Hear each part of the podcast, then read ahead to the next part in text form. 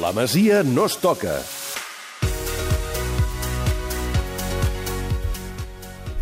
Oriol Domènech, bona tarda.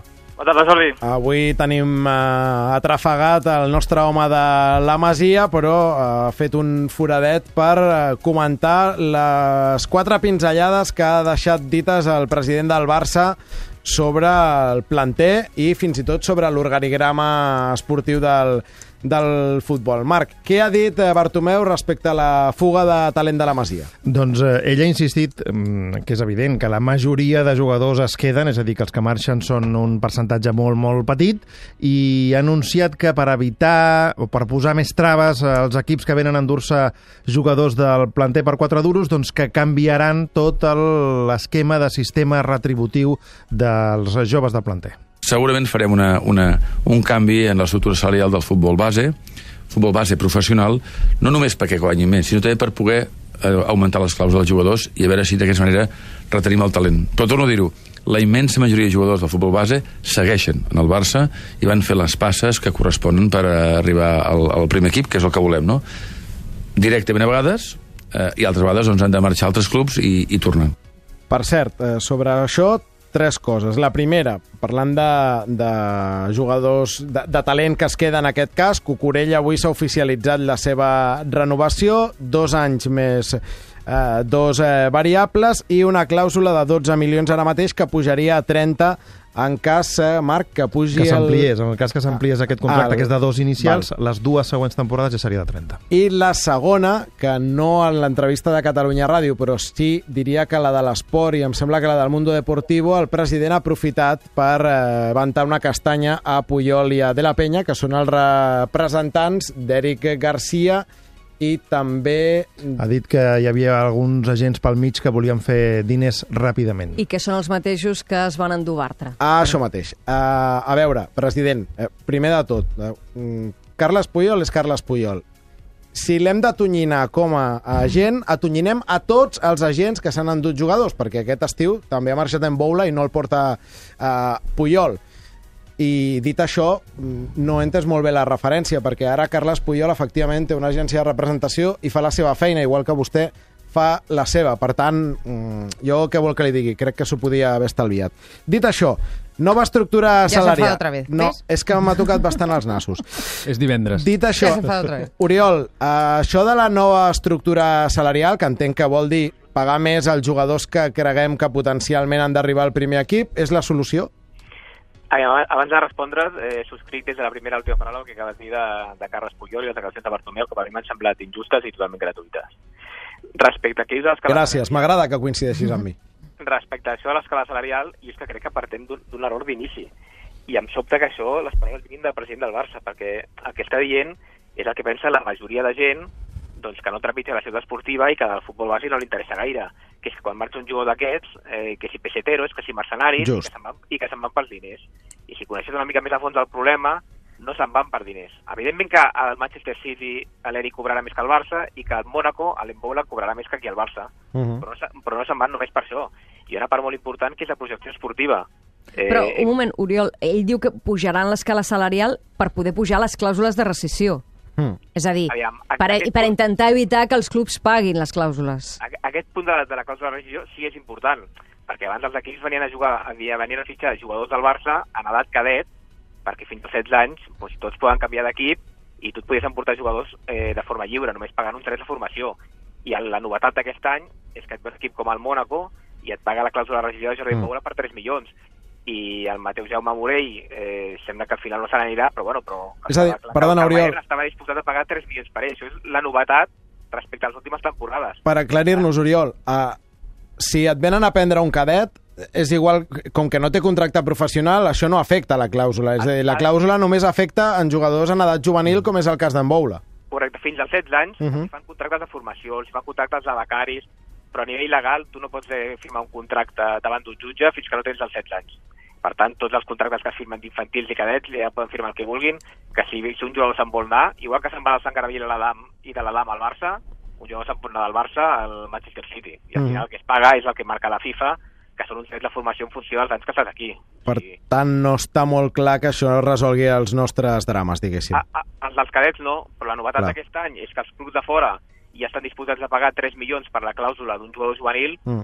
Doncs, doncs sí, si, si en lloc de la clàusula de 3 milions els juvenils tenen clàusules de 10, doncs, eh, potser sí que evitaràs que en edat juvenil pugui marxar. Jo entenc Ja que... dic, el, el problema de fons no és econòmic. Clar. Jugadors No se'n van només per diners, se'n van perquè en Boula eh, aquest any ha jugat al juvenil A i el Mónaco l'any que ve doncs, ja jugarà partits amb el primer equip. I Mm. l'Eric Garcia aquest any jugaria al juvenil B del Barça i l'any que ve jugarà a la Youth League amb el Sub-18 i l'any següent ja estarà entrant amb el Pep Guardiola i jugarà amb el filial. És a dir, que els equips de fora et garanteixen el, el primer equip molt més que no el Barça. Bé, veurem si es compleixen aquests... Uh, aquests aquesta trajecte, aquesta ruta esportiva que dibuixen uh, per, els altres equips, que aquesta és l'altra també. Un, un, un exemple perquè la gent no es pensi que són paraules. Mm. L'any passat en Boula va jugar a l'Europeu Sub-17. Amb ell jugava Brahim, que Brahim aquest any ha entrenat amb el Pep Guardiola i ha jugat amb el filial del City i l'any que ve ja serà jugador del primer equip. I en contra, en Boula, contra Holanda va jugar amb el De Ligt, que és aquest central de Sí. l'Ajax, amb 17 anys, que aquest any ha sigut- titular del, de Titular a la final de l'Europa League, si no m'equivoco. League i de les semifinals i un dels millors jugadors. Mm. Per tant, vull dir que aquests jugadors del Barça que coincideixen amb altres jugadors dels campionats europeus eh, es donen compte que ells aquí juguen amb equips molt inferiors als de la resta d'equips. Aquest any també hem tingut l'exemple, l'Eric Garcia, per exemple, al Campionat d'Europa Sub-17, s'ha enfrontat a Jadon Sancho del Manchester City aquest any és com Brahim, que també ha jugat amb el primer equip i que ha jugat amb el filial del City. Mm. Vull dir que a fora ha, els equips tenen menys jugadors, que aquest també és el problema que el Barça, que fitxa molt, que té molts bons jugadors, i al final això és un embut. I a fora no passa tant. Clar, que, que, el, que el reclam esportiu també hi és, a mi em sembla molt evident. Però anant a la part econòmica, que, que això és el que m'inquieta a mi, jo recordo fa 17, 18 anys, es va, quan Serra Ferrer manava al futbol base... Nano. Es, El cas de Nano? Nano, Sí, Tressorres sí, sí. i no sé qui era Un l'altre, que els hi van fotre un contracte de 100 milions quan era de peles, sí. lògicament, quan eren jugadors del B. I ens van fotre les mans al cap i van pensar que allò no era la solució. Clar, algú del Barça que ens estigui escoltant dirà ara, bueno, què voleu? Eh, si no els hi paguem, foten al camp. Si els hi paguem, potser no ho arreglem. Eh, És a dir, en aquest cas concret jo crec que és una peça lletja pel club perquè no saps on, on està l'equilibri. En l'aspecte econòmic jo penso que sí que és, és normal. I les declaracions en aquest cas de Bartomeu jo les puc compartir perquè si, si eh, deixant a, part la- l'aspecte esportiu, que ja l'ha explicat eh, l'Oriol i, i, i ha quedat eh, força clar, l'aspecte econòmic jo penso que si, si vols retenir-los, evidentment, els has, de, els has de pagar una mica més i reestructurar una mica la- l'escala salarial, sens dubte, i això et permet pujar clàusules. Evidentment, si ve un club i per 3 milions te'n porta en bola, que és realment poc, doncs si em paga 10 o em paga 12, doncs mira, almenys fas, fas més caixa, almenys té més, té més sentit. Eh, Tot i així, ja et dic, eh, l'aspecte l'aspecte esportiu Sí, és més important, però aquí discrepo un moment de, del que ha dit uh, l'Uri en el sentit de que, per exemple, al Jordi Bola se li pot haver ofert tranquil·lament fer la pretemporada amb el primer equip de, uh, del Mónaco, però al Barça, jo penso que, per exemple, al Jordi Bola no li pots oferir el mateix, fer la, primera, No, no. fer la pretemporada el primer equip del Barça. Almenys, uh, a, criteri, a criteri meu, li pots plantejar probablement Barça B, mm. que, que ho desconec ara, ara mateix, però, evidentment, el club, en aquest cas el, el jugador, preveu que tindrà més futur eh, al Mónaco amb aquesta oferta esportiva al- al- a l'equip francès i és acceptable. L'aspecte econòmic és un altre, Amb un altre això, tema. amb això estic molt pesat, de Gerard, però en Boula mira el Barça B, que crec que hauria de ser el seu lloc aquesta temporada si s'hagués quedat aquí, i ja el Faro, un tio de 25 anys, ho sento. Mm. Serà molt bon I nano, tapat. ha ajudat Eh, molt... això és un altre tema, però, que estigui- clar, que estigui doncs tapat aquest és el tema. Mhm, És això a és dir, eh, D'acord, segur que guanya més calés a fora i si voleu els 10 passaters. Però Mm. la realitat esportiva és aquesta, és la que dibuixa l'Oriol. Si ho volem veure bé i si no, doncs també. I, jo estic d'acord amb el Gerard que, evidentment, en Boula no, no està per jugar al primer equip de No, Barça, clar que no. per la pretemporada, però també crec que si tu creus que en Boula és un dels millors jugadors que tens, de segon any de juvenil ja ha d'estar al Barça B. No, el seu dia Sergio Roberto... el- Completament, com, 17 anys, això va passar completament d'acord. a Sí, sí. al primer equip, i com fa a la nostra època, pues que Roger, Celades i la Penya i tota aquesta gent, no amb 17, i amb 16 ja debutaven amb el Barça B. Bé, digues, digues, El, el Pere Pau, parlant d'aquest tema que estem comentant ara, ens diu que el problema a parer d'ell és que un menor tingui representant i eh, el representant, es digui com es digui, és un, és un drama. Tant l'Oriol com, com el Gerard coneixen molt bé aquest món. A partir de quins anys els nens comencen a tenir representants? És a dir, el Barça té... Eh, la base comença molt d'hora, però no tots, evidentment, tenen representant. Ara des de massa petits. Ara fins i tot tenim... Eh, hi, ha, hi ha jugadors que amb, amb, amb alevins... De, Amb alevins amb tenen representant? Tenen, tenen representant. I, Mare això, meva. I amb infantil B, estem parlant de nanos de 10 o 11 anys. Això evidentment no és ni positiu per l'entorn, pel nano, per la família, ni per, eh, ni per ningú. Però jo estic d'acord amb vosaltres, eh? però també em poso, em poso a la pell d'un pare que tingui una criatura que veu que li volen al Barça i a no sé si més equips. Diu, hòstia, a mi aquest, tot aquest món se m'escapa, m'enganyaran, no en tinc ni idea, amb prou Pero ¿Cómo te feines... van a engañar con una- un niño de 10 años que ya, Gemma, no- no estic parlant de- no estic parlant la de diners. Y jugando Estic en el parlant- Barça y en la cantera del Barça. Que no parlo de A mí me diners. parece una barbaridad que un niño de 10 años tenga Doncs a mi no. Mi, jo què voleu que us digui? Jo quan no, quan no en tinc ni punyetera idea d'un tema prefereixo que m'assessori algú que en sàpiga. Pero M'és si es igual si tinc 10 años 5 de qué anys... te tienen que asesorar exactamente. Totes Home, amb maneres- 10 amb 10 anys no els paguen, costa. No, no, és que no estic parlant de diners, estic parlant de, de coses tan fàcils com no jugo aquí, me'n vull anar allà, perquè això passa no al Barça, Sí. equips del 3 al quarto, no, és que té dos anys de fitxa, però què m'està explicant? Si aquí no cobrem res. Ah, doncs no, no pot marxar. Totes maneres- Jo parlo de coses com aquestes. Totes Pues el maneres, problema l'Oriol- también a mí l'Oriol- me parece este, que a los 10 años ya la mayoría de los padres se piensen que tienen a Messi.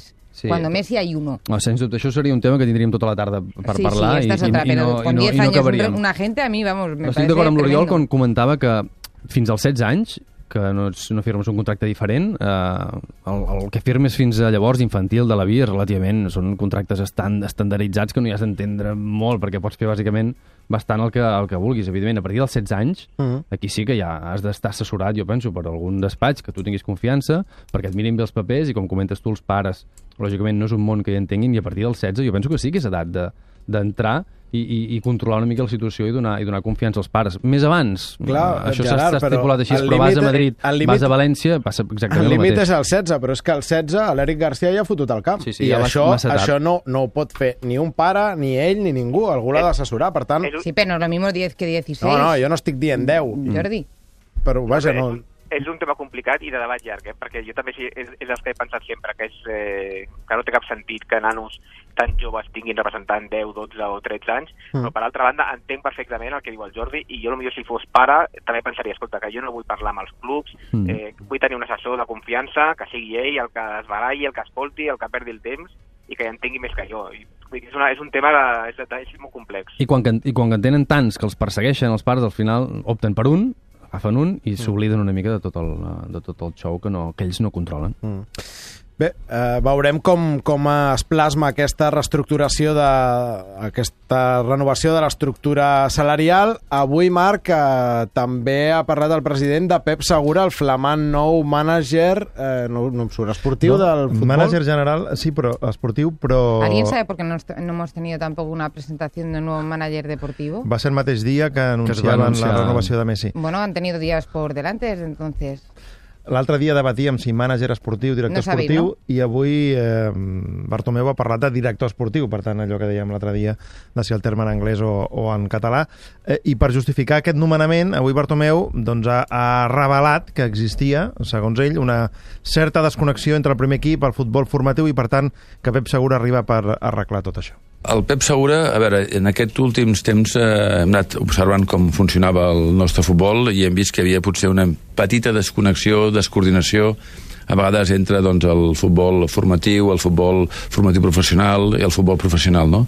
Aleshores, eh, hem recuperat la figura del director esportiu de futbol. Tornarem a tenir aquesta coordinació que, que necessitem, no? que funciona bé, però pot funcionar millor. millor. I Albert Soler no es desvincularà del club? No, no, Albert Soler, ell és el responsable del futbol professional, Continuarà d'esports professionals, evidentment, més en l'àmbit econòmic, més que en l'esportiu. A l'esportiu doncs, ho porten els tècnics.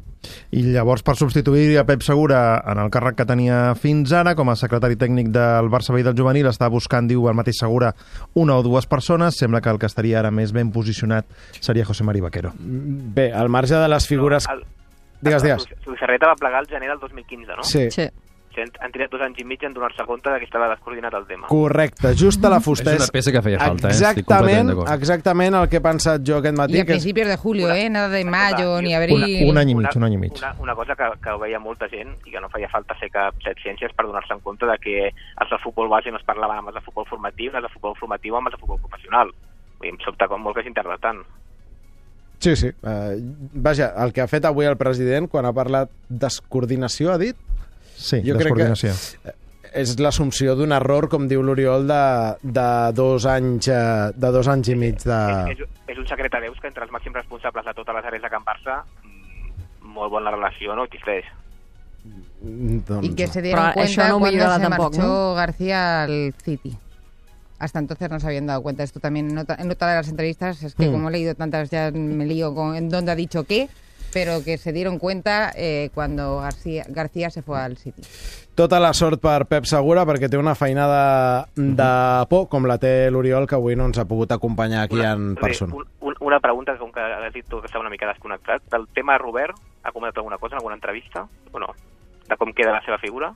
Eh, de las Yo que he diría que leído, no. y que, eh, vamos, por ejemplo, que cuando a la hora de elegir entrenador, que lo hicieron entre él y Robert, pero nada en cuanto a futuro de cómo quedaba la figura de... Sí que ha de dit, Robert. en aquest document ho escoltàvem, que, que la figura d'Albert Soler queda per temes més econòmics, que ho ha dit com si ja fos així, i no, perquè Pero Albert Soler fins precisamente por ara eso preguntaba tallava el que, bacallà no, també que no esportiu. comprendo eh, por qué no se ha hecho una presentación oficial del nuevo manager deportivo, porque en esa rueda de prensa, además de preguntarle exactamente en qué consistirá su labor y de a qué se va a dedicar, eh, despejaríamos dudas como las de Robert, pero bueno, nada. Tendremos que esperar a otra entrevista en algún otro sitio. Tota, o esperar aquesta roda de premsa amb Pep Segura com a mínim, que sí que em sembla imperativa. Oriol, gràcies, una abraçada. I la propera?